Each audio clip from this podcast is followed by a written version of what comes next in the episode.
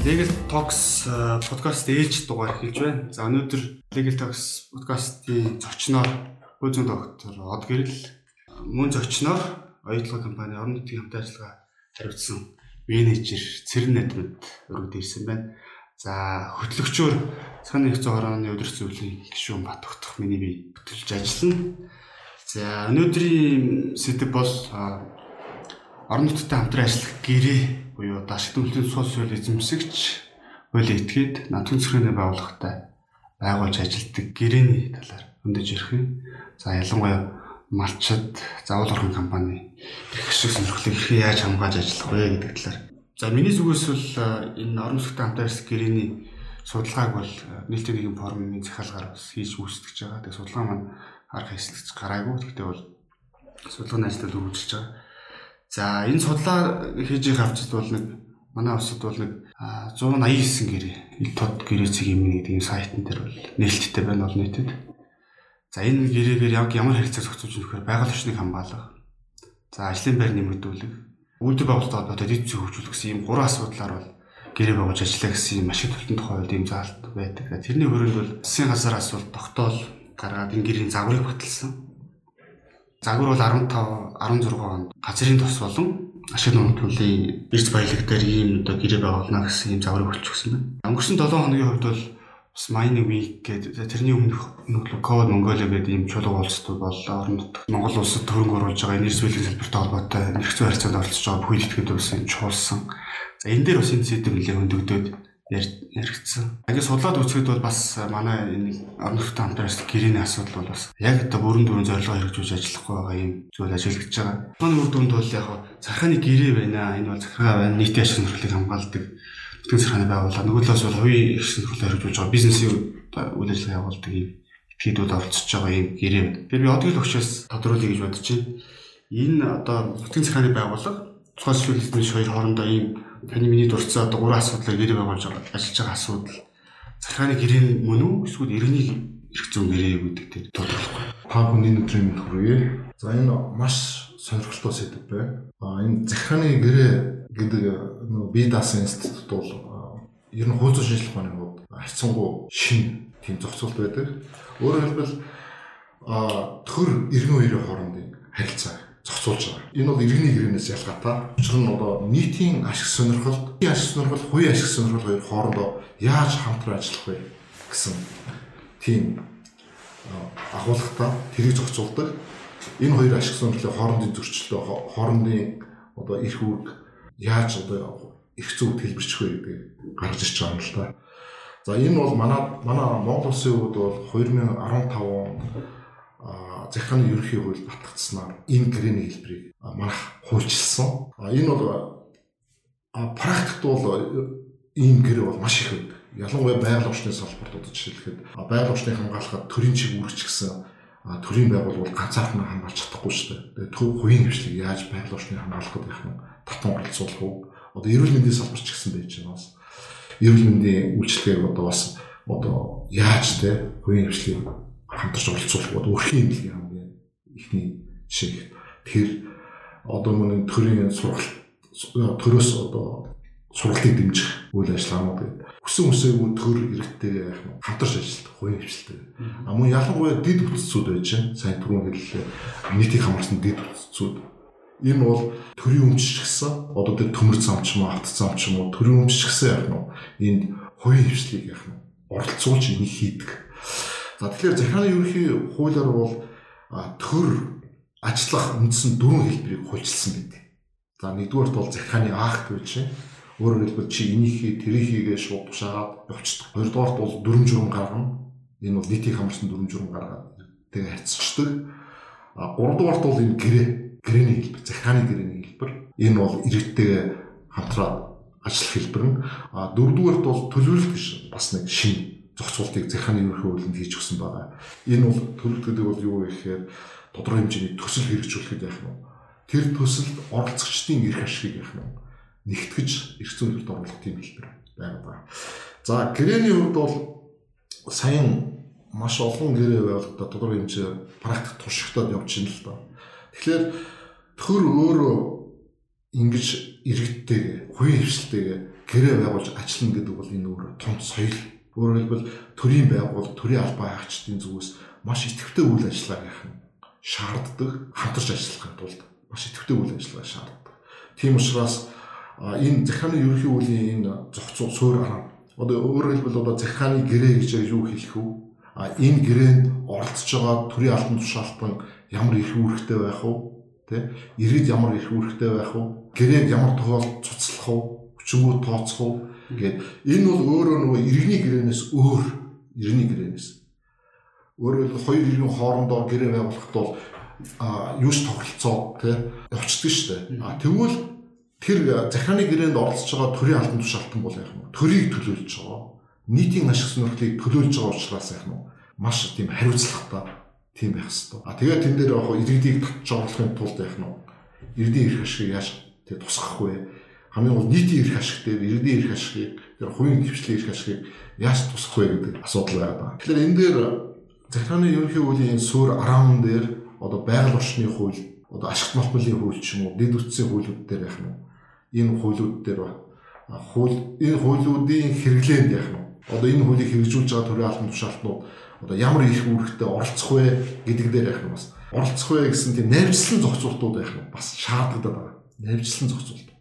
Одоо сайн хэлж байна энэ орон нутгата байгуулад те орон нутгийн хөгжилтэй холбоотой те уурхаа төрийн захиргааны байгууллагууд орон нутгийн байгууллагууд иргэд гэдэг оролцож штэ. Тэгэхээр эдгээрийн эрх ашигыг хамгаалахын тулд яах нь тухайн салбарын хуулиудтай уялдуулаад энэ журамч юм уу найрчлан зогсуултууд илүү хэрэгтэй. Одоо чи ихээр концессийн асуудлууд гэж дэд үтсэн том том дэд үтсэн. Энэ бол нэг төр нөгөө тал хувийн компани байгаа шүү дээ. Тэгэхээр тэндээс гарч байгаа тэр дэд үтс зам те одоо үйлдвэр ч юм уу тэтгэрүүд яг нь яаж цаашаа ашиглах төрийн өмчийн асуудал шүү дээ. Тэгэхээр энэ дээр төрийн байгууллагууд яаж оролцох вэ? А хувийн компани яаж оролцох вэ? А тэгээд дээр нь орон нутгийн иргэд яаж оролцох вэ? Тэгэхээр эдгээр чинь одоо тэр концессийн гэрээдэг бол тодорхой төсөл эн чинь өөрөө яг маш олон оролцогчдын эрх ашиг их нэгтгэн гэсэн үг. Тэгэхээр гэрээ бол одоо саяны байгуулж байгаа гэрээ бол тодорхой хэмжээний иргэдийн орон нутгийн иргэд компани тий төрийн байгууллагын эрх ашигыг л яг нэгтгэх гэдэг шүү дээ. Хоорондоо зөрчил зөрчилдөөн гарвал тэрийг яаж шийдэх вэ гэдэг. Хэрвээ зөрчилдөөн гарвал тэр гэрээгээр л яг шийдэх гэдэг байгаа байхгүй. Тэр гэрээгээр. Тэгэхээр энэ асуудал дээр бол дандаа иргэний хуулиас гадна гол нь дандаа юуны хуулиуд ордог. Захааны эрх зүйд хамаарах хуулиуд ордог. Байгаль орчны хууль байж байна, ашигт малтмын хууль байж байна, тийм. Одоо дэд үтц газрын газрын тухай хууль энэ төр гэл. Тийм учраас энэ бол суурь зохицуулт нь манад бол байгаа. Цаашаа найвчлсан журам дүрм юу тодорхой болгоод салбарын хуулиудтай яхаа тодорхой хэмжээний нэмэлт хийх шаардлагатай гэж үзсэн шээ. За баярлалаа. Тэгэхээр захааны анх гэхээс илүүтэйгээр энэ бол иргэдийн оролцоо буюу нутгийн захааны байгууллагын хоёр оролцоог хангасан зүйл дээр бол захааны гэрээ илүү тохиромжтой. Яг гэвэл захиран тушаах хэлбэр агуулаагүй оролцоо хангасан учраас бол тэр илүү үр дүнтэй байдаг гэсэн тийм дүгнэлтийг хийж болох шүү дээ. Тийм. Одоо энэ дээр жишээлхэд саяны гэрээн дээр одоо за тэр компани тийш оролцсон, иргэд тийш оролцсон гэх захааны анх гаргах чинь бол хинч тийм оролцохгүй шүү дээ. Одоо дотроо төсөл хэрэгжүүлэх гэхэд тийм эн чинь өөрөө төр яг хувийн хөвшлийн татч оролцуулж байгаа байхгүй. Тэгэхээр хувийн хөвшлийн ашиг сонирхлыг яг нь хангах хэрэгтэй бас тодорхой. Иргэний ашиг сонирхлыг бас яг нь хангах хэрэгтэй. Тэгэхгүйгээр яг захиргааны акт гараад нэг талаасаа за тэн дээр тэглээ гэл тэ шийдвэр гаргах бол яг энэ угаасаа боломжгүй. Тийм учраас захиргааны гэрээ бол яг гайшгүй орж ирж байгаа. За сэрнэмж хичээс Энэ танай байгуу компани хувьд бол одоо 2009 онд төрийн хурдын гэрээ байгуулсан тийм. Тэгээд тэгээд судалгааны явцад бас санаа гэрээ бид нэрс харсан. Тэгээд 15 онд байгуулсан гэрээ байсан. Тэгэхээр 6 жилийн хугацаанд энэ гэрээ ер нь бас байгуулалт төсөл нэг анх ш. А сан бичиг гэж хэл байгуулад тэгээс үүлдээ гэрээ болсон байсан ш. Тэр энэ бол бас яг тийм нэг жилийн дотор хийгдсэн гэрээ биш юм шиг үнэлээ сайн ажилласан юм гэрээ байсан. Тэгээ бусад гэрээтэй харьцуулахад бас энэ жишг болох үс юм гэрээ байсан л дээ. Тэгэхээр танах одоо энэ а малчтын эрх ашиг тухайн нутгийн одоо иргэдийн эрх ашиг нутгийн захиргааны байгууллага эрх сонирхолтой холбоотой за компани өөрийнхөө хэв үйлдвэртэй холбоотой асуудлыг энэ гэрээгээр ер нь яг ямар процессыг хийж одоо бас юм жишг болохгүйс байдлаар ингэж явж байна. Тэр яг одоо туршлага тэр нь яг онцлог нь яг юу вэ? Тийм. Хамт ажиллагааны гэрээнд хүрэхээс наанууд нэлээд олон үйл ажиллагаанд явагдсан. Тэгээд манай уурхайн үйл ажиллагаа менежментийг хариуцж байгаа Rotinto компани бол өөрөө орон нутгийн үйл ажиллагааны стандарттай. За тэгээд дээрэс нь бүгдээр мэдж байгаа манай далдуурхан төсөлд бол олон улсын банкуд бас хөрөнгө оруулалт авсан. Тэр олон улсын улсын банкуд бол бас өөрсдөө санхүүгийн байгууллагууд өөрсдийн гэсэн байгаль орчны нийгмийн хүсдэлийн стандартуудтай. Тэгэхээр тэр стандартуудыг одоо бид нар хангаж ажиллах шаардлагатай болж л гэсэн үг тийм. Тэгээ анх нь бол бид нар 2008 он суурь судалгаануудаа хийсэн. Араас нийгмийн болоод байгаль орчны нөлөөлийн үнэлгээнүүд хийгдсэн. Тэгээд манай энэ хэсэг бол илүүтэй нийгмийн нөлөөлийн үнэлгээнд дээрээс цаашаа ямар төрлийн одоо нөлөөллүүд үүсэж байгааг тэрийг яаж одоо урхан компани менежийг зохицуулж нөлөөллөө бууруулах юм а тэгээд өшөө цаашаа урт хугацааны харилцаа хамтын ажиллагаа яаж зохицуулах юм гэдэг ийм асуултуудыг нь авсан гэсэн. Тэгэхээр бид нар яг тухайн төслийн одоо шууд нөлөөнд байгаа малчин өрхөөцдөг бол нүүлгэн шилжүүлэлт нөхөн олонний хөтөлбөр хэрэгжүүлсэн. Яг олон улсын стандартын дагуу эхлээд хилцүүлгээ явна аль зоонд байгаа ямар малчтыг бид нөлөөнд оруулахын нөлөөнд орсон айдуудтай ямар одоо нөхөн олгоор үжиж бид нар хамжиргагийн нөхөн сэргээ хийн тэ хамжиргаанд нь ямар нөлөө үзүүлээ тэрийг яаж нөхөн сэргээх гэдэг энэ ажлуудыг бол нүүлгэн шилжүүлэлт нөхөн олонний хөтөлбөрийн хүрээнд хийж байгаа. А бусад чиглэлийн одоо орон нутагт үзүүлж байгаа нийгмийн нөлөөллүүдийг болохоор нийгмийн нөлөөллийн менежментийн төлөвлөгөө гэж байгаа. Манай дээр одоо 6 төлөвлөгөө явж идэг. Яг олон улсын стандартын дагуу тэгээд тэр төлөвлөгөөн дээр туссан ажлуудаа бид нэр компани өөр шууд тавьцад хэрэгжүүлээд явна. А цаашаа бид нар стратегийн орд учраас өмнө говь аймаг, Хамбогт цум, за тэгээд одоо түншлэгч бусад гурван сумтайгаа ингээд хамтын ажиллагааны гэрийг 2015 онд байгуулсан. А тиймд бол бид нар нийтдээ 7 чиглэлээр орон нутгийн урт хугацааны доктортой хөгжил чиглэсэн хамтын ажиллагаанд зориулсан хөрөнгө оруулалтуудыг хийх тэр чиглийн ажлуудыг тийм зохицуулж өгсөн гэсэн. Тэгээ энэ бүх үйл ажиллагаа дандаа тухайн одоо орон нутаг тэнд байгаа орон нутгийн гол одоо тавлууцтайгаа нээлттэй хилцүүлэг олон удаагийн хилцүүлгүүд явсны үр дүн дээр гарч ирсэн ийм л гэрээнүүд байгаад байдаг. Бид нар бол яг нэг ийм зохицуултаар л одоо авч яваад байгаа. Яг одоо энэ одоо эрх ашиг хэлж байгаа шиг хуулийг бол шууд авч ашиглаагүй юм байна. А гэхдээ хилээд байгаа санаанууд бол ер нь тийм туссан байгаа хол гэж байна. Зарим процесс ажиллагаа бол их зүйл. Тийм. 15 он гэдэг чинь зөвхөн хөө батлагдчихсэн л үе. Тийм байна. Тийм. Тэгээ манай тэр гэрээ бол ерөнхийдөө Тинтагийн өөрийнх нь дэлхийн бус орнуудад байгуулдаг гэрээний үндсэн суурийг аваад а тэгээ Монголын нөхцөлдөө тааруулаад аймаг орон нутаг сум ард иргэдийнхээ санаа бодлыг тусгаад тэгээд байгуулсан гэрээ. За тэгээд миний ойлгосноор бол эндээс цаашаа хувь зүйн яамнаас бол тусгай ажлын хэсэг гараад жишг гэрээг бол бас боловсруулсан байгаа гэж ойлгосон. За засгийн газар нэг 15 он загвар гэрээ бүтэлсэн. Загвар гэрээ тийм. За энэ одоо малчд их шиг энэ одоо уул уурхайн сөрөг нөлөөлдөг хөртөж байгаа. Жагсаал цуглаан бус нэлээ хийсэн. За энэ одоо энэ уул уурхайн чуулган дээр ч гэсэн асуудал нэлээ хөндөж байгаа. Малчд ч гэсэн өөрийнхөө байр суурийг илэрхийлж байгаа.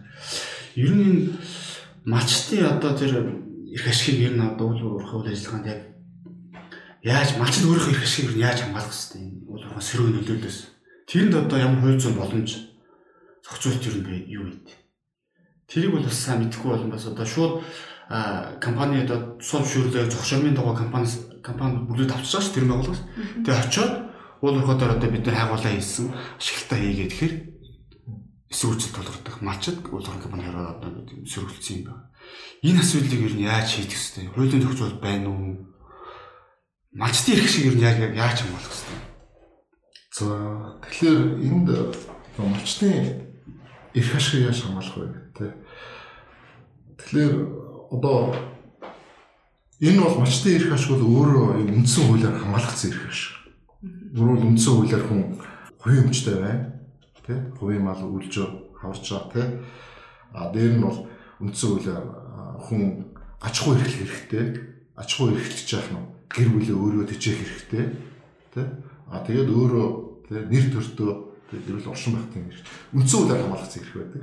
Тэгэхээр энийг тэ энтэй бид нар нэг үндсэн хуулиар хамгаалагдсан эрх учраас яах нь бид нар энтэй яаж харьцах вэ? Төрийн захиргааны байгууллагууд одоо яаж харьцах вэ гэдэг асуудал хуулийн хүрээнд яригдж байгаа.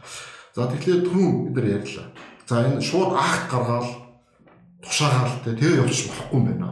Нэгд тэр хүний үнцүүлээр хамгаалагдсан эрх ашигуд байгаа учраас тэр хүнтэй яах нь тэр мачттай яах нь зайлшгүй харилцан тохиролцоо хамтаа ажиллагаа яах нь хийхээс өөр арга байхгүй. Хуулиарч дээр хийцэн байна Үйлэрч нэг зохицуулсан. Тийм учраас тэр харилцан тогтцооны хэлбэрт бол яг нь шууд захимж тушаал гаргаад яваад байх нь бол яг нь явуул өсөж байгаа. А тэрнээс тэгэхээр хамтын ажиллагааны хэлбэр гэхэлэр гэрээ ашиглана.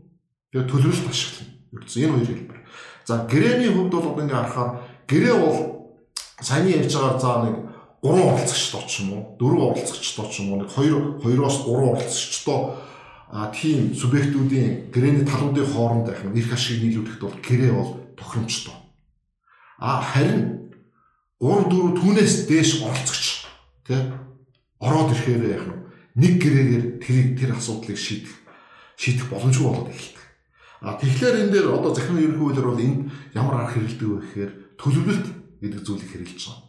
Төлөвлөлт төлөвлөлт гэдэг одоо захиргааны ерөнхий хуулийн 7 дугаар бүлэг ба бүхэлдэн бүлэг ба төлөвлөлтийг яаж хийх вэ? Энэ төлөвлөлт гэдэг зүйл чинь тэр оролцогчдын одоо тэр одоо төлөвлөлт гэдэг зүйл бол тодорхой төсөл хэрэгжүүлэхэд тэ оролцогчдын эрх ашиг яах нь нэгтгэж хуулийн хэлбэрт оруулж байгаа. Маргаан гарвал яах вэ?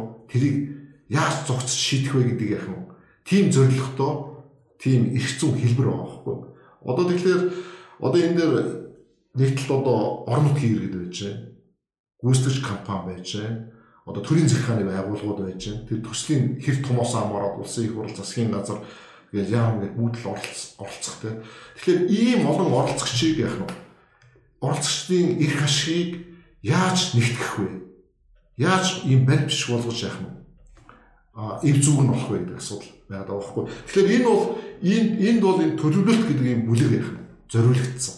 Зориулагдсан. Тэгэхээр энэ дээр юу хэлэх хэлэх гэж байна гэхээр гэрээгээс гадна энэ төлөвлөлтөөр байх нь их зүйн хэлбэрээр энийг шийдэж болно.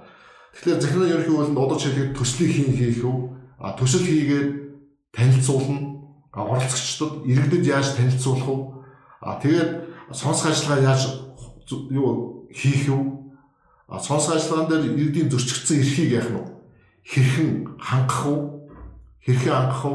Хангахын тулд иргэдтэй ямар тогтолцооны ажлууд хийх вэ? Өөрөөр хэлбэл одоо төслөө сайхан танилцуулаад үр дүнгийн үр ашигын танилцуулаад хийж болно Аль эсвэл тэр иргэний зөрчиж байгаа эрхийг яах нь хамгаалахын тулд нэмэлт үйл ажиллагаа хийж болно. Мөн төсөлтөө яах нь өөрчлөлт оруулж болно.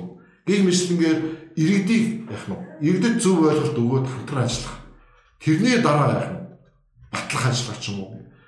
Гэх мэтлэнгээр тэгээ дараа төсөл төсөлд хэрхэн өөрчлөлт оруулах? А төслийг ямар тохиолдолд хүчингүй болгох? А энэ төсөлд оролцогч оролцож байгаа төрийн захиргааны байгууллага компани иргэдийн эрх үүрэг ямар байх вэ гээд ерөөсөө энэ бол ерөөсөө энэ цогц зохицуул энэ төслийг яаж хэрэгж өгөх вэ? Одоо энэ бол хамгийн сонгодог жишээ бол хот дахин төлөв төр яг энийг хэрэгэлдэг байхгүй энийг өөрөөр хэлбэл захиргааны байгууллага яаж оролцох вэ? компани яаж оролцох вэ? Иргэд яаж оролцох вэ? Аа тэгээд дараа нь яах нь энэ төсөл хэрэгжүүлэхэд яах нь ямар үүрэг хариуцлагатай оролцох вэ гэдэг А түүнээс биш одоо нэгэн дундаас гарч хаяад иргэд нь хохрол тий. А төрийн захиргаа одоо ер нь иргэн харж хахад энэ уялдаа холбоо байхгүй учраас тэнд нэг засгийн газар ч юм уу нэг төрийн захиргааны байгууллага шийдвэр гаргацдаг. Тэгэнгүүт нөгөө гүйцэтгэгч компани хоёр хоорондоо хэрэлдээл байдаг. Хэрэлдээл байдаг. Тэгээд эцэст нь тэр төсөл нураад ундаг ч юм уу. Тийм хүндрэлтэй асуудал яах үүсэж байгаа байхгүй. Тэгэхээр тийм хүндрэлтэй асуудлыг гэрээ зохицуулах, гэрээгээр биш энэ төлөвлөлт гэдэг энэ үйл ажиллагааны хэлбэрээр байх зохицуулдаг зохицуулна. Тэгэхээр бид нар энэ манай энэ сайхан 15 он батлагдсан учраас энэ үйл ажиллагааны хэлбэр маань практикт ер нь сайн хэрэгж амжаагүй. Бид энэ багаас нь эхлэмээр байгаа байхгүй. Өөрөөр хэлбэл хот дахин төлөвлөлт дээр нэг ийм хамтын ажиллагааг үзээд а зам тавьж штэ төслүүд дээр нэг төмөр зам дээр ч юм уу нэг үзээд тэгээд ингээд төр яах вэ өөрөө ажил сурах хэрэгтэй байна. Энд тийм учраас төрийн албан агчдаа сайн бэлтгэх хэрэгтэй байна. Одоо саяны журмуудыг одоо тэр хамтын ажиллагааны гэрээ гэж байна тийм. А тэрэн дээр бас бид нар гэрээгээр зогсууж болохгүй бол яах нь энэ төлөвлөлт гэдэг зүйл рүү яах нь оруулж ирэх хэрэгтэй шүү. Тэр төсөл батлагдаад төлөвлөлт батлагдах юм бол яг нь тэрнтэй холбоотой шийдвэрүүд төрийн захиргааны шийдвэрүүд тэрнтэй холбоотой гэрээнүүд бүх юм яг нь хийгдээ иргэдэн ч гэсэн тодорхой ойлголттой. Төрийн байгууллага ч гэсэн тодорхой ойлголттой компани ч гэсэн тодорхой ойлголттой болцсон хойно яг ажил эхэлдэг. Түүнээс биш нэгэн тэнд дутуу агц юм хийгээд эхлэхээр тэнд нь хэрүүл болол нам унцдаг биш. Яг ийм яг цогц ирэх зүүн тийм баримтчиг яг боловсруулаад хийгдээ тэгээд явж байгаа байгаа. Тэгэхээр би энэ дээр бол Аа тэгээд иргэдийн оролцоо бол юу иргэдийн эрх ашиг гэдэг бол маш чухал. Яг энэ иргэдийн оролцоо аль хэсэгт нь хангах. Тэр төсөл эхлэхээс өмнө. Түүнээс үл засгийн газар шийдвэр гаргаад бүх юма шийдсэний дараа гид иргэдийг санаад те дараа хэрүүл болдог биш. Бүр эхлэхээс өмнө тэр иргэдтэйгээ яг танилцуулаад бод байдлаа танилцуул яг ашиг сонирхол зөрчиж байгаа иргэдтэй. Тэгээд тэр хүний эрх ашигыг яаж хамгаалах вэ? Хамгаалахаас өөр арга байхгүй. Энд чинь өөрөө хуулиар хамгаалах зэрэг ашиг. А тэрийг хамгаалахын тулд ямар шатраас үйл ажиллагаа авах вэ? гэдгээ хүртэл яах вэ? Тооцох хэрэгтэй байхгүй. Тэгжээж хийх хэрэгтэй. Тэгэхээр миний л харж байгаагаар бол энэ дистрал энэ үйл ажиллагааны хэлбэрээ сайн сонгож тэ зэгцтэй хийгээгүй учраас л яах нь ийм нөө хоорондын зөрчил гараад байгаа байхгүй. Тэр төсөлд оролцож байгаа хүмүүсийн хооронд. Тэгээ төлөвлөхээр бол та бүр цогцоор нь тий цогцоор нь асуудал харна гэсэн үг шүү дээ. төлөвлөлт Тэр одоо ч бол нэг жижиг деталь дээр очиж бид нэр очиж нэг ноцолдоо том төсөл уурхай юм явдаг нэг тийм зовлонтой байдаг шээ. тий нь том төслүүд тэгдэж шүү дээ. Эхлээл баг одоо 5 дугаар цахилгаас болж та бүхэн ч 5 удаа ч илүү нээлт хийдэг. Тий. 6 удаа ч илүү Тэгэл төс юугаа нийт хийгээл тууц муу сайжилж байгаа нэг мэтгэд тент яах нь Асуудал үүсэл мөрчдөг. Тэгэхээр бид нар ингэж болохгүй гэсэн үг байхгүй. Төлөвлөлт гэдэг бол төсөл гэсэн үг шүү дээ. Тэгэхээр олон нийтийг хамарсан, нийтийн эрх ашигыг хамарсан. Тэгээ олон оролцогчдоо төслийг бид нар яах нь эрх зүйн хувьд бол тийм тийм тодорхой зэгцтэй хийхгүй бол болохгүй. А энэний үндсэн суурь зохицуулт нь бол захааны ерхий хуулийн дээр төлөвлөлт гэдэг бүл бүтэн нэг тийм зохицуултыг бид нар хуульчилсан байна гэж хэлж байна. Тэр одоо мантар гарч байгаа практик гарч байгаа хүндрэлүүд нэг юм байгаа шүү нөгөө засаг даргаас солигддог. За Австрийн одоо намууд нөгөө сонгуулийн эрхээр өөрчлөгддөг. Тэгэхээр энэ одоо төлөвлөлтийг ингээд за ингээд батлаад хэрэгжүүлээд явъя л да. Тэгэхээр бас нэг өөр нэг нам нь гараад ирэж, өөр нэг засаг дарга гарч ирээд тийг өөрчлөх хүчингү болгох гэдэг юм те. Нөгөө баг хийсэн ажлаа нураах тийм одоо боломж энэ байг байх уу? Үгүй яг их зүүн баримт бичих болоод яг ингээд гарын үсэх зураг баталгаа зурч баталгаа зурчин тохиолдолд бол засаг дарга дээр хэн байхасаа ямар намын хүн байхасаа үл хамааран байх юм. Хуулиараа үүргээ хүлээгэл явчихна. Хүлээс үүргээ явах юм. А тэгээд тэр тэр төлөвлөлтөөр чинь зохицуулсан байна. Дарга үүргээ биелүүлэхгүй яах вэ? Тэ? Компани үүргээ биелүүлэхгүй байх. Хэн дуртам гараа бичдэг биш. Өөрөө хариуцлах та. Тэ бичиж байгаа. Тэгэхээр одоо бас нэг тийм төлөвлөлтийн процесс одоо шууд сэлцүүлэхт оролцоогүй. Өөрийнхөө саналыг одоо сонсгоогүй нэг малчин ч бай гэж жишээ л.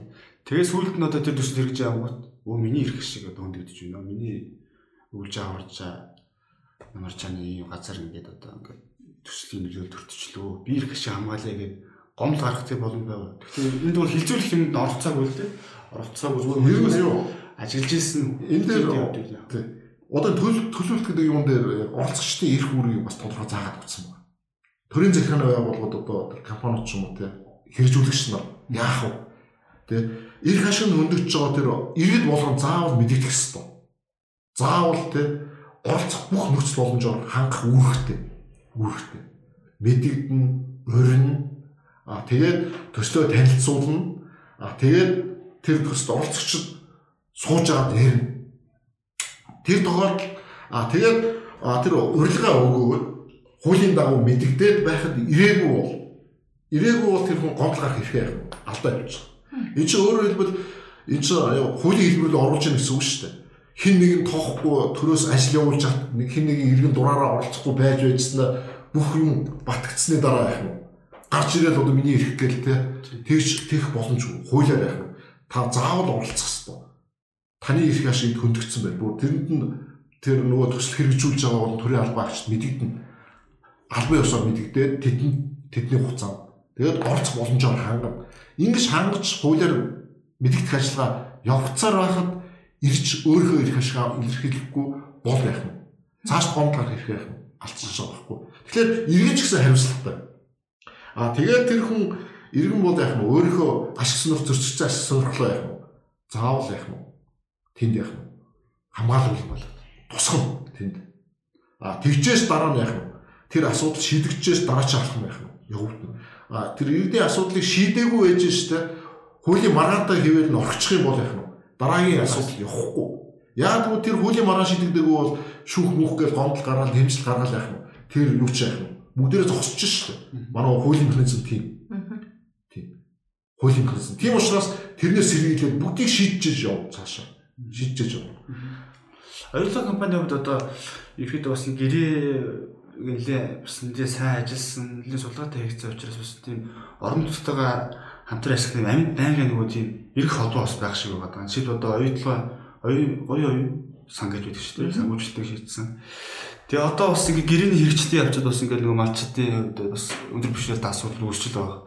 Таны компани хувьд энэ асуудлыг яг яаж шийдэж байна? Нэг удаа гэрээ байгуулад асуудал шийднэ гэсэн юм. Тийм өөрхөн үйл ажиллагаа тэнд явж лэн, шинээр янз бүрийн асуудлууд бас үүсчлэн бүгдийг нь одоо урьдчилж хараад бүгдийг нөгөө гэрээ юмд бол тусгачиж бас чаддгүй юм байна л тий. Тэгээд манай дээр бол хамтын ажиллагааны гэрээний хэрэгжилтийг одоо байнга ярьж талуун саналаас олжчихдаг харилцааны хороо гэж бол бий. За тэгвэл таны хэлж байгаа говийн оюун хөгжлийг дэмжих бол гэрээний хэрэгжилтийг хангах үүрэг үүрэгтэй механизм бас ингээд хамтарсан засаглалтай дандаа хамтарсан механизмуд байгаа. За яг газар дээр хамбог цумд байгаа малчтын одоо их ашиг хөндөгдөж байгаа үед яадаг юм бэ гэхээр бид нар бол өөртөө байнгын тэнд орон нутгийн харилцааны хилцэн ажилтнууд байна. А дээрэс нь гурван талт зөвлөх гэж байна. Сумын хэмжээний. Тэгэл ерөөсөө малчт удаг ус бэлчээр малчтын хэмжээтэй холбоотой асуудлуудыг тэнд талууд ярьж хэлцээд гэсэн. Яг албан ёсны эргэцэн статус бол тэнд байхгүй.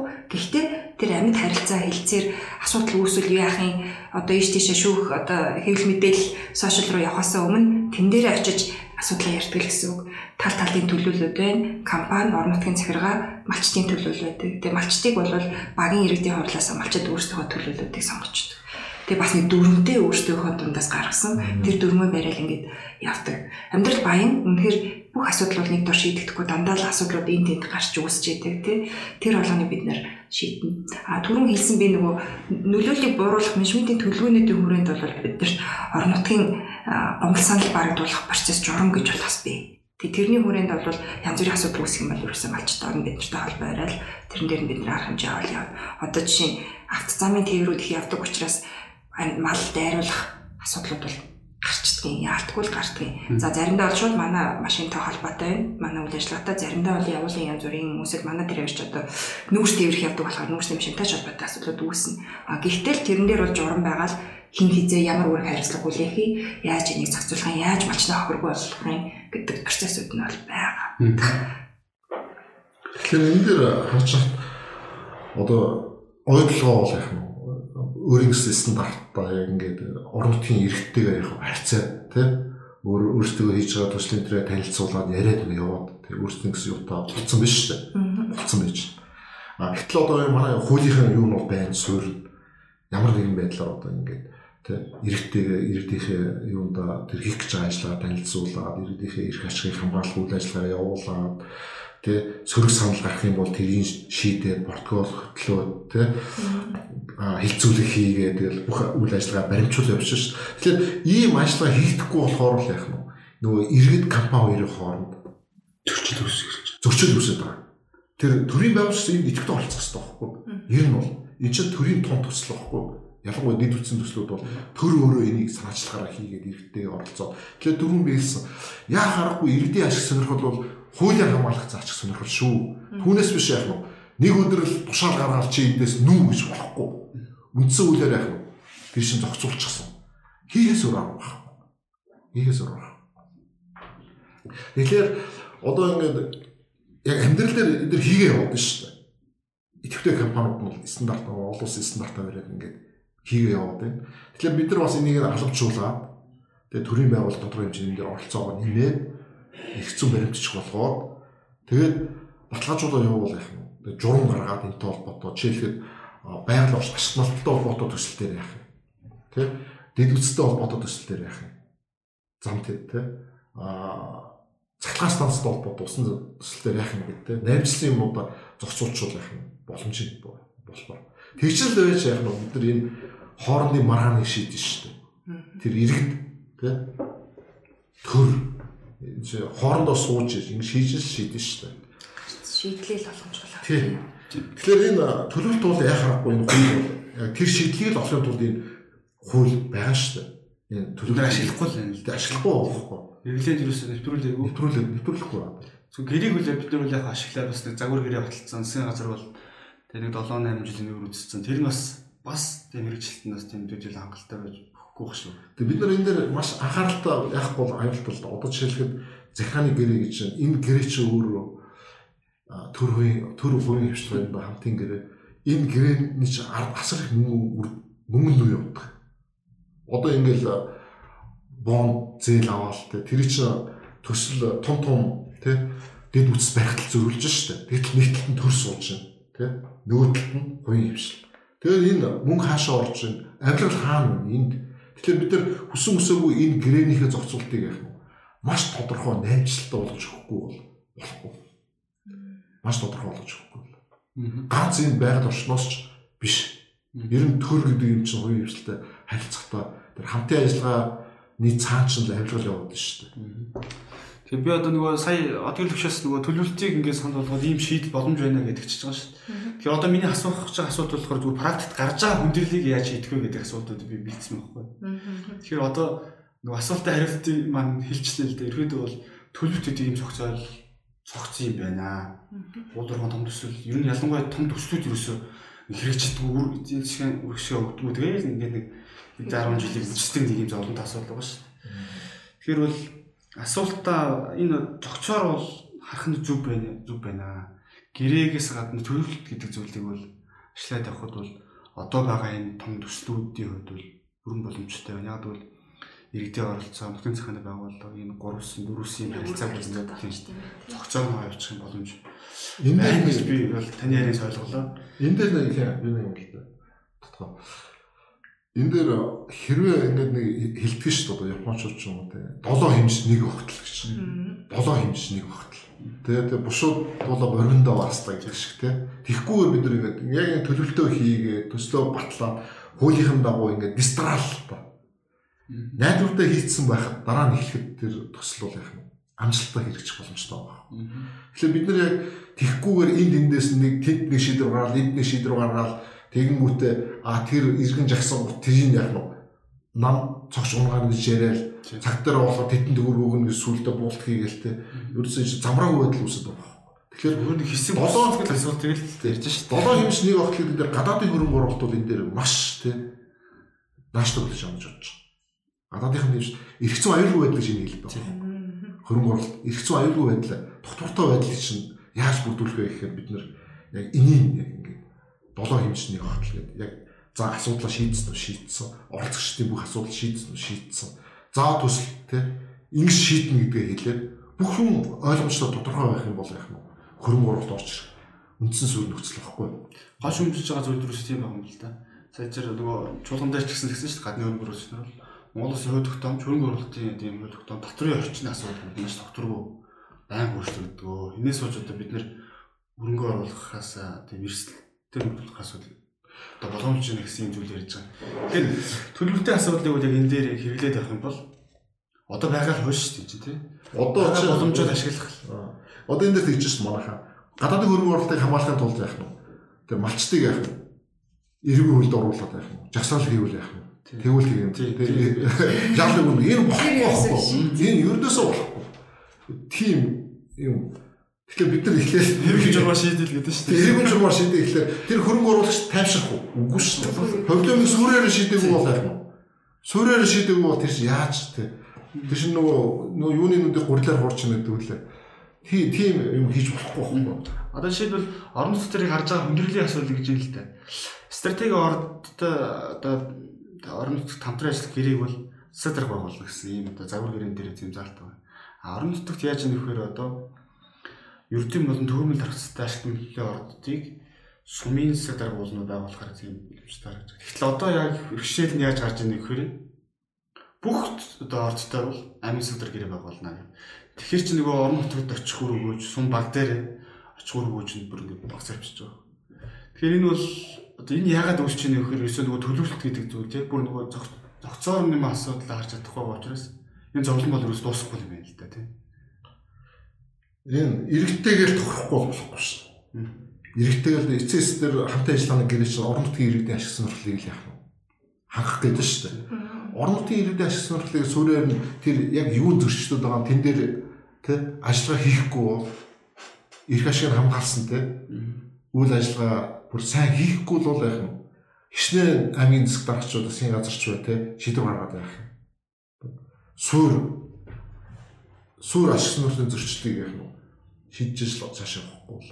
Тэгэхээр дистрал хэрэгтэй шийдэл. Ашил төсөл тун төсөл хэрвээ хэрэгжүүлэх гэж байгаа бол хаанаас нь эхлээд хаана те ямар ямар бүх үйл ажиллагааны дистрал төрийн байгууллага нь яах вэ? Иргэд нь яах вэ? бүх оролцоод нэг зэгцтэй явах хэрэгтэй. За оюутлын гэрээний явцад одоо мэдээж сүндэр бишэлт асуудал үүсэх. Тэгээ одоо малчтай холбоотой байна, өгөлжөө. За тэгээд нөгөө ходог хүстэй холбоотой асуудал тэгээд та нар хэрэг яаж хийж яа. Тэр малчны уул уурхай нөгөө сүрэн нөлөөлөлд өртөж байгаа бошигддогт. Малчны одоо одоо мал бичих асуудал. Тэрийг танах одоо яг гэрээгээрээ бол одоо гарч байгаа хүндрэл бэрхшээлийг яаж шийдэж. Уурхайн лицензийн талбай орчимд бол нэг 11 малчин өрхөг бид нар байна гэж тогтоогод Тэгээ 2004 онд Аймхаа Майс Mongolia гэж байх үедээ бол энэ бодит нүүлгэн шилжилтийг л хийлгэсэн ба. Бит нүүлгэн шилжүүлэлт гэж. Дотор хоёр англи байгаа юм л да. Бит нүүлгэн шилжүүлэлт, эдийн засгийн нүүлгэн шилжүүлэлт гэдэг. Эдийн засгийн нүүлгэн шилжүүлэлт гэдэг нь бол тухайн айл өгүүлжөө бууцнаасаа бол одоо нүүх шаардлагагүй. А гэхдээ бэлчээр усандаа хүрэх зам энтерт нь ямар нэг байдлаар нөлөө одоо барилга байгууламж барьж байгаа үед ч юм уу зам барих үед юм уу усны хаалаа тавих үед ингээд нөлөөлж байгаа энэ үеийг хэлээд байгаа. Тэгээд 2004 онд бол 11 өрхийг бодит нүүлгэн шилжүүлэлтийг хийсэн. А тэгээд тэр нүүлгэн шилжүүлэлт хийхдээ бол тухайн айл өрхөддөг тухайн үед нь бол их сайн ярь тохирсон. Хаана одоо дахиад боломжийн өвлжөө гарах газар байна. Тэр газрыг сонгуулад тэгээд тэнд нь ямар байдлаар өвлжөө бус шинээр бий болгож өгөх тэр бодлыг барьж өгсөн худаг ус заавал гаргаж өгнөд манай хамбогт тэр хавьд бол ил задгаа олгоо ирэх нуур гэж байхгүй шүү дээ. Дандаа худгаар амьдарч байгаа малчтна. Тийм учраас худаг усны нөөцийг бас гаргаж өгнө. За дээрэс нь одоо тухайн айлын амжиргаанд шаардлагатай бусад дэмжлэгүүдийг үзүүлж байгаа юм. Мал удалж авах байх юм уу? Шинээр одоо бизнес хөрөнгө оруулалт хийх юм уу? Эсвэл одоо оюутан хүмүүстэй байвал оюутны хүмүүсд нь сургалтын тэтгэлэгтэй сургуулийн за ер нь 10 жилийн босор сурч байгаа хүмүүс нь ч сургуулийн тэтгэлэг ном цөөх одоо шаардлагатай дэмжлэгүүдийг за дээрэс нь тухайн өрхөөс нэг хүнийг бол байнгын орлоготой цалинтай ажлын байранд авч ажиллах ийм одоо багц нөхөө олгорыг олгож исэн тухай тий. За тэгээд дараа нь яг одоо уурхаан дэдвцийн бүтээн байгуулалтууд бол 2009 10 оноос бол эрчимтэй эхэлсэн. 12 оноос бол ер нь уурхаан барилгын ажлууд нэлийн эрчимтэй явсан. Төрөний хэлсэн одоо зам онгоцны буудал, усны шугам шүлжээ, агаарын тогны шугам шүлжээ энэ гэд энэ бүх ажлуудыг явж явах үед бол бид нэр яг тэр хавьд байгаа нутгийн малчин айлуудаа тодорхойлоод тэр айлуудад бол бас нөхөө олгорын гэрээ байгуулж ажилласан гэсэн үг. За тэгээд энэ гэрээнд бол бас саяныхтай төстэй одоо нөхөө олгорууд олно. А гэхдээ энэ болгоныг компани юм уу засаг дарга толгоноос бодож болоод хэлэхгүй. Яг хамтарсан ажлын хэсэг байна баг болгоны малчтын төлөвлөлттэй, орон нутгийн төлөвлөлттэй, компанийн төлөвлөлттэй. За гэрээ байгуулахын өмнө бид нар бүр хүндлэнгийн хууч хүртэл одоо малчтын талдаа авч ажилласан. Бид нар бол хуулийн талаас нь гэрээ нөхөн олбортын залтуудтай бол бас зөвлөгөөнүүд өгч явсан. Тэгээс бидний аль альнийх нь олж хараагүй үнцэгтэй тэг хуулийн нөхцөл боломжуудыг бас тусгаж өгдөг юм байна лээ. Тэгээ гэрээ манайхаа дагуу тал талаас өөрнөө хүлээгээд ажилласан гэсэн үг. За тэгээд яг олон улсын стандартынхаа дагуу бид нэр үрдөнгийн үнэлгээ гэж хөндлөнгийн мэрэгжлийн байгууллага гэж гэрээний хэрэгжилтийг маань үнэлж байгаа юм. За энэ мөрийн шилжүүлэх холбоорыг бас юм болоогүй амжилттай хэрэгжсэн үү компаниуд үүргээ хүлээсэн үү юу болсон. За тэндээс дахиад манай дээр бол нэг 11 өрхтөр бол за энэ 11 аймгийн амжирга бол бүрэн сэргэлсэн гэж үзэхэд дутагдaltaй байна. Тийм учраас энэ айл болгон дээр дахиад нэг төлөвлөгөө гаргаад хэрэгжүүлээд үзсэн, явагсан. Тэр зөвлөмжийн дагуу бас ажиллагаанууд одоо төлөвлөлт төлөвлөгөөний дагуу амжиргаа сэргийх ажлууд явагдаж дуусчихин. Одоо бол бид нар нүүлгэн шилжүүлэх болгоны хөтөлбөрөөр хаалтын аудитэд ороход бэлтээд явж байна. Тэгээд дахиад хүндлэнгийн мэрэгжлийн байгууллага ирээд үнэлгээ хийгээд за энэ ажиллагаа бол одоо амжилттай болжээ. Энэ амжиргаа сэргсэн гэж үзлээ. Одоо энэ хөтөлбөрүүдийг хаяа гэдэг ийм л одоо процесс явах хэрэгтэй. Явагдах хэрэгтэй. Магадгүй тэндээс бас сайжруулах ганц нэг зөвлөмж хадгалах юмнууд бас гарч ирж магадгүй тэгвэл бас компани хэрэгжүүлээл явна гэсэн. А тэглээгээд одоо орон нутгийн малчин оюутлаг компани хоёрын хоорондын харилцаа дуусгаж болж байгаа юм ерөөсөө биш. Бид нарт ийм урт хугацааны хөгжлийн одоо хөтөлбөрүүд байна те хамтын ажиллагааны нийт одоо хамбогц замын мал аж ахуй эрхэлж байгаа малчин айл амжир өрхүүдэд хэрэгтэй шаардлагатай ажлуудыг хэрэгжүүлэх урт хугацааны төсөл хөтөлбөр рүү ороод явчихж байгаа юм яг нөгөө хувь айлуудтай одоо амжиргааны тусгайсан жижиг хөтөлбөрүүд биш нийтээрээ үр шимээ хүртэж авах урт хугацааны юм орж байгаа л гэсэн. Нөгөө аюулгүй компани чинь нөгөө малчтыг одоо ажлын байраар хангах дээр ямар хөтөлбөр хэрэгжүүлж байна. Тийм. Тийм. Би судалж байхад бол ажлын байр нэмэгдүүлэх холбоотой асуудлыг бол төрийн төсвөөс одоо тэр холбоотой хуулиар хөлбөр итгэж дэмжих сангаас бол тэр малчтыг одоо мэрэгчлээ болгох асуудлыг нь бол хувийн компаниас зардал гаргахгүйгээр тэр малчтыг сургах тийм боломжтой хуулийн боломж байна гэж харсан. Таны компанийн хувьд одоо малчтыг сургалтанд хамруулад ажлын байраар хангаж байгаа асуудал төр яаж хийж байна? Тий, тэр яг манай дээр компани өөрөө бүс зардлын харилцааг хийж байгаа ажил байна. Тий. Орон нутгийн хөдөлмөрлөлтийг дэмжих тусгаас хамтарсан ажлын хэсэг бас байдаг. Аймаг сумын төлөөлөл орсон, компанийн төлөөлөл орсон. За тэр хүрээндээ гол өгж байгаа акцент бол ерөөсөө яаж бид нар орон нутгийн ур чадварыг сайжруулад оюутлогод шаардлагатай ажлын байранд авах вэ гэдэг зүйл явж байгаа. Түрүүн би хэлээ нөхөн олонний хүрээнд ч гэсэн бид нар малчтаа бас өөр болгоноос хүүхдүүдийн надад сургууж сургалтанд хамруулж явсан. За ойлгоо дээр бол хид хідэн төрлийн төсөл хөтөлбөрүүд явдгийг яг энэ орон нутгийн ур чадварыг хөгжүүлэх чиглэлийн. За яг одоо Хамбогт суман дээр ойлгоо компани байгуулсан техник мэрэгчлийн сургалтын төв гэж байна. За тэрнэр бол бид нэр сүүлийн 8 9 жил ерөөсөө яг одоо уурхаад юм уу зах зээлд хамгийн өндөр эрхлэлтэй байгаа мэрэгчлэр сургалт явуулаад үн төлбөргүй зөвхөн хамбогд өмнө говийн иргэдэд зориулсан сургалт явуулаад тэгээ тэндээсээ шалгарсан сертификат авсан залуучуудаа эргээд дадлажуулаад тэгээд ажилд авдаг.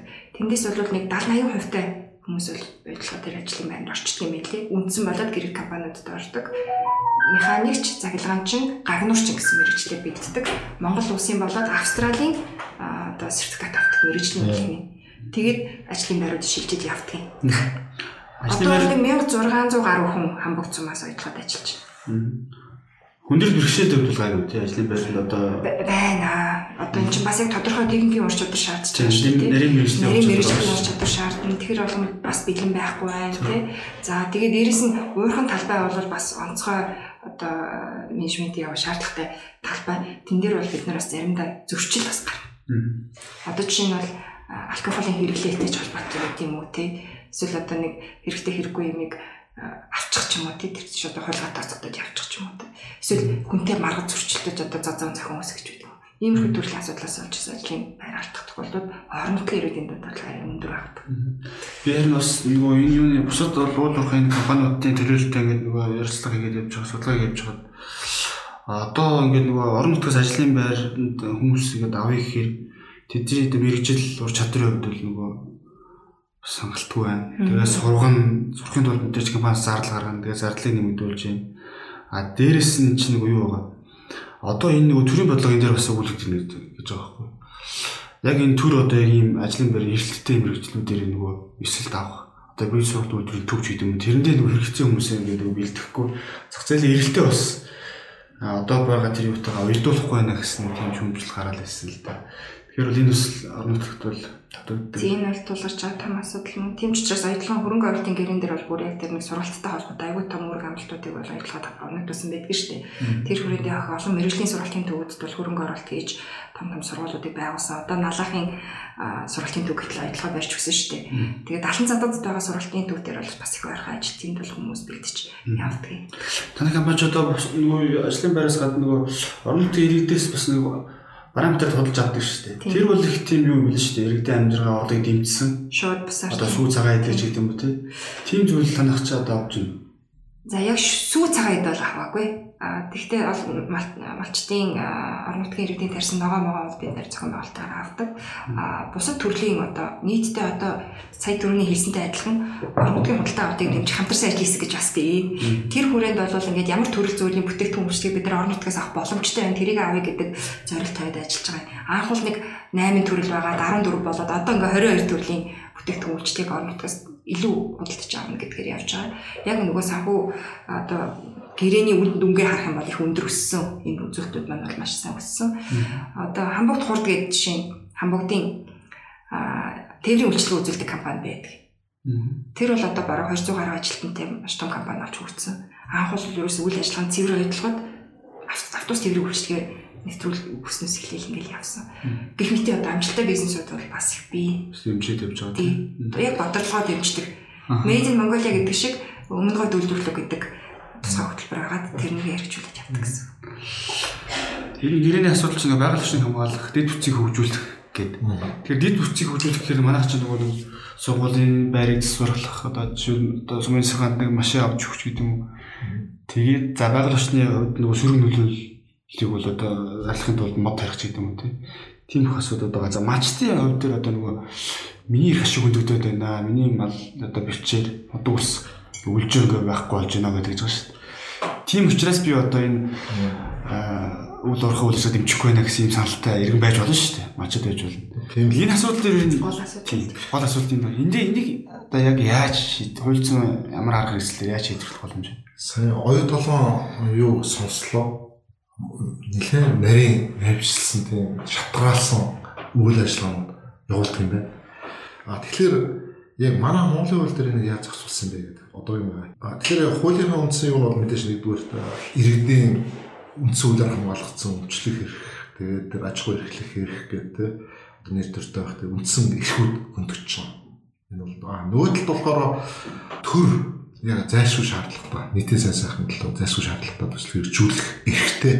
Тэр тохиолдолд яг нэг иргэдийн энэ одоо өмш эрхэнд яг нэг халдаж болно гэсэн нэг тийм нэг орчиж байгаа зүйлийн өөрхөн зохицуул тэр тохиолдолд нөх бол оруулна өөрөөр хэлбэл а, хөндөгдсөн эрхийг нь сэргээх үүрэгтэй үйл хоёр том зохицуул тэгэхээр хоёр зал.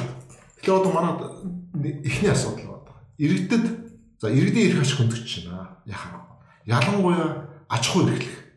Өөрөөр хэлбэл амжиргааны их үүсвэрээс нь салгаж байгаа байхгүй. Энэ бол маш чухал асуудал.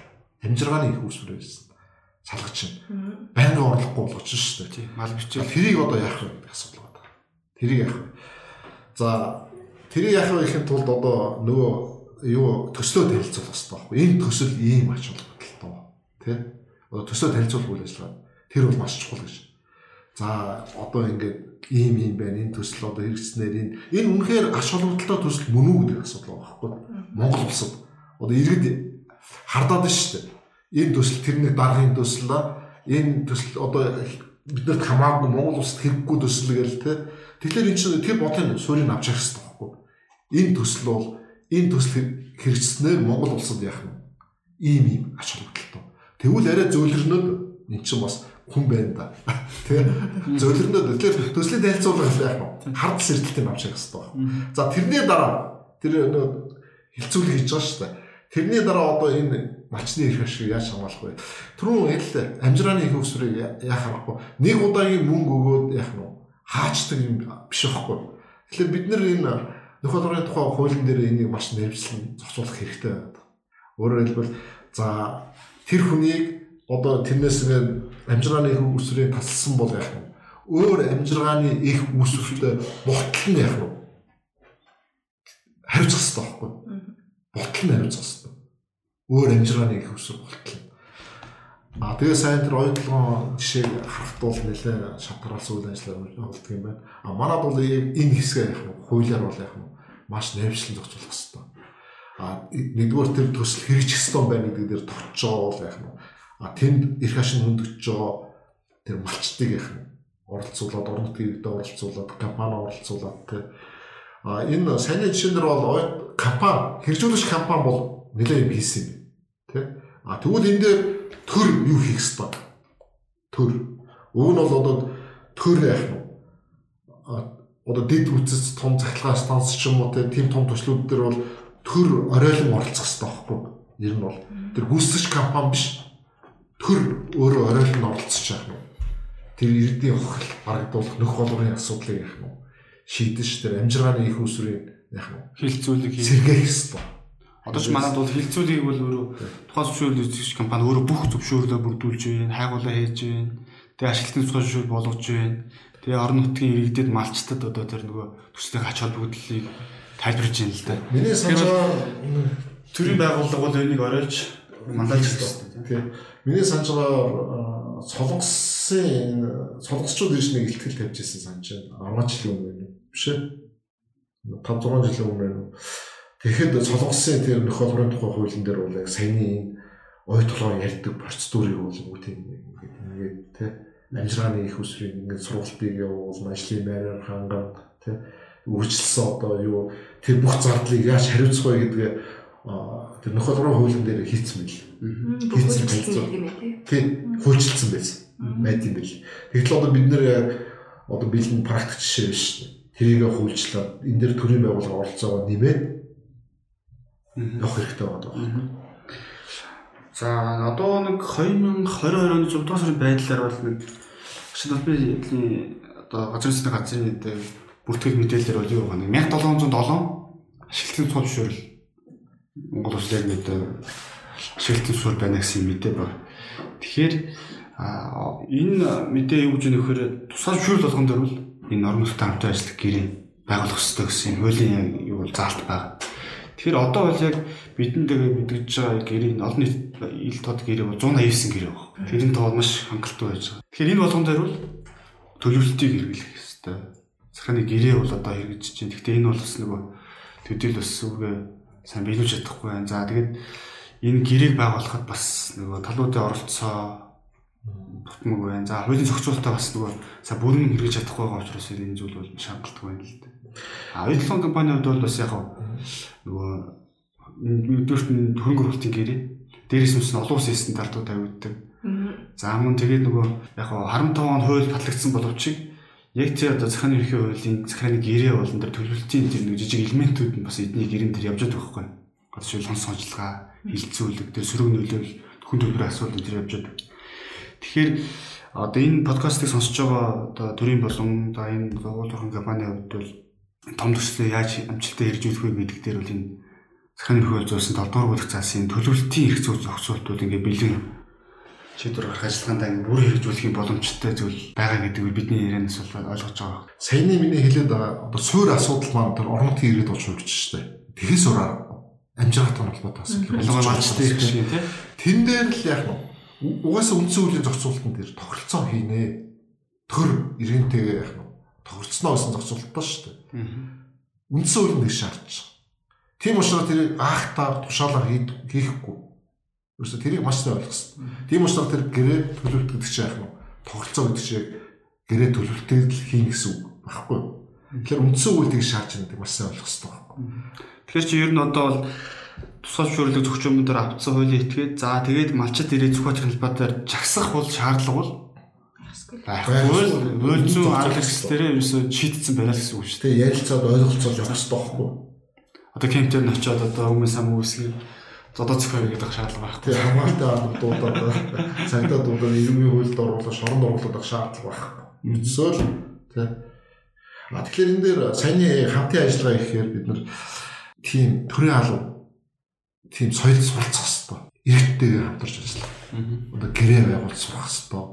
Тийм төсөл дээр яг нь хувийн хөвшил иргэдтэйгээ хамтарч ажиллаж сурах хэрэгтэй. Энэ бол соёл байхгүй Түүнээс хууштай шиг бүтийг төр мэддэг тий? Бүтийг нэг далаалтаар ингээд тушаалгаараа шийдчихдэг гэдэг бол хоцрогцоо ойлголт шүү дээ. Одоо орчин үед бол зайлшгүй тийм юу сургалт хэрэгтэй. Тэг тийм хэрэгтэй шаардлагыг тулгарч л байна л да тий. Энэ сүүлийн энэ үйл явдлуудыг. Одоо шил Эрдэнэбургийн цэглэг станцтай холбоотой асуудлын томоохон энэ төслүүд дээр ийм асуудлууд тулгарч байна. А түрүүн бас нөгөө хот дахин төлөвлөлтөй холбоотой асуудал дээр та дурдчихсан шүү Тэгэхээр одоо энэ төлөвлөлтийг ер нь одоо төлөвлөлт хот дахин төлөвлөхөөс гадна өөр одоо бусад ямар ямар одоо зүйл дээр ер нь ашиглах боломжтой. Бид нар энэ наацхаа одоо иргэд төр иргэдтэй хамтарч ажиллах дээр одоо надлаа тийш одоо газрын гэрэн дээр нэлээд сайн ямар. Өөрөөр хэлбэл одоо бид нар газар эзэмших гэрээ байгуулах гэдэг шүү дээ тий энэ төрийн өмчийн газар ял иргэд тэнд нэг төрийн өмчийн газрыг ашиглав. Тэгэхээр ч ядаж дээр сумын газрын даамал тэр газрын эзэмшигчтэйгээ хамтарч ажиллаад гэрээ гэрээ. Одоо зүгээр нэг загвар дээр л гарамжч зураад байна шүү дээ мөнгө авахын тулд. Тэгхгүйгээр маань соёлтойгоор за гэрээ байгууллаа. За энэ газартай холбоотой чам ямар их үүрэг өгч болох уу газрын алба ямар их үүрэгтэй байж болох уу те? Энэтэй холбоотой хогны асуудал ариун цэврийн асуудал одоо юу гэдэг те? Ямар асуудлууд тусгах болж байна те яах ямар байх вэ байсан юугаа яаж байх вэ гэл те бүгд яг ингэж энэс эхлэмээр байна. Тэгээд дараа нь ингээд хот төлөвлөлт орж ирж штэ. За гудамж гудамжаа тогтчуулъя. Дээр нь барилга барь, цэцэрлэг барь, зам барь гэл те. Тэгэхэд тэр амир иргэд яах нь засаг дарга тэр тэр компани уруу ингээл хамтарч ажиллаад те сурах хэрэгтэй байгаад байна. Сурах Одоо тэгээд энэ Сүхбаатар аймаг дээр тодорхой хэмжээний тийм тэгээд үйлдэл асуудал үйлдэл асуудал явчлаа шүү дээ. Бас гайгүй яваад байна. Дараагийн засаг дараа хэрэгжүүлчих шүү дээ. А тэгхгүйгээр да- дараагийн застараа хэрэгжүүлэхгүй тийш нураал бичих гэдэг шүү дээ.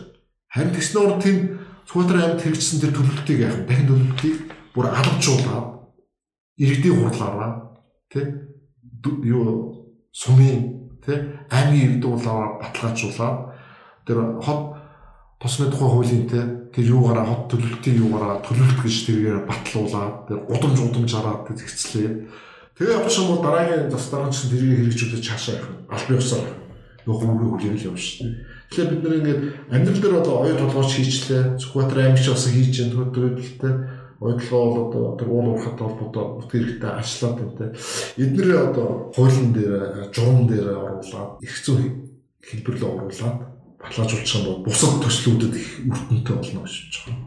Одоо ойдлоо хийсэн юм чинь бусад дахиад нэг том төсөл гарч ирэхэд яах нь эднэрийн Сургамж. сурамжтай байхгүй.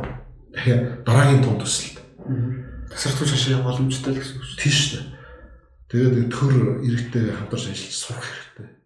Өртсөөл ташуураа далаагаал тий торгон ялна гэдэг хаа тэр бол болохгүй. Иргэд ч гэсэн бас нөгөө төрөө шүмжлээд байгаа ш. Өөр бодтой оролцоо байх хэрэгтэй. Тийм оролцоо байх хэрэгтэй.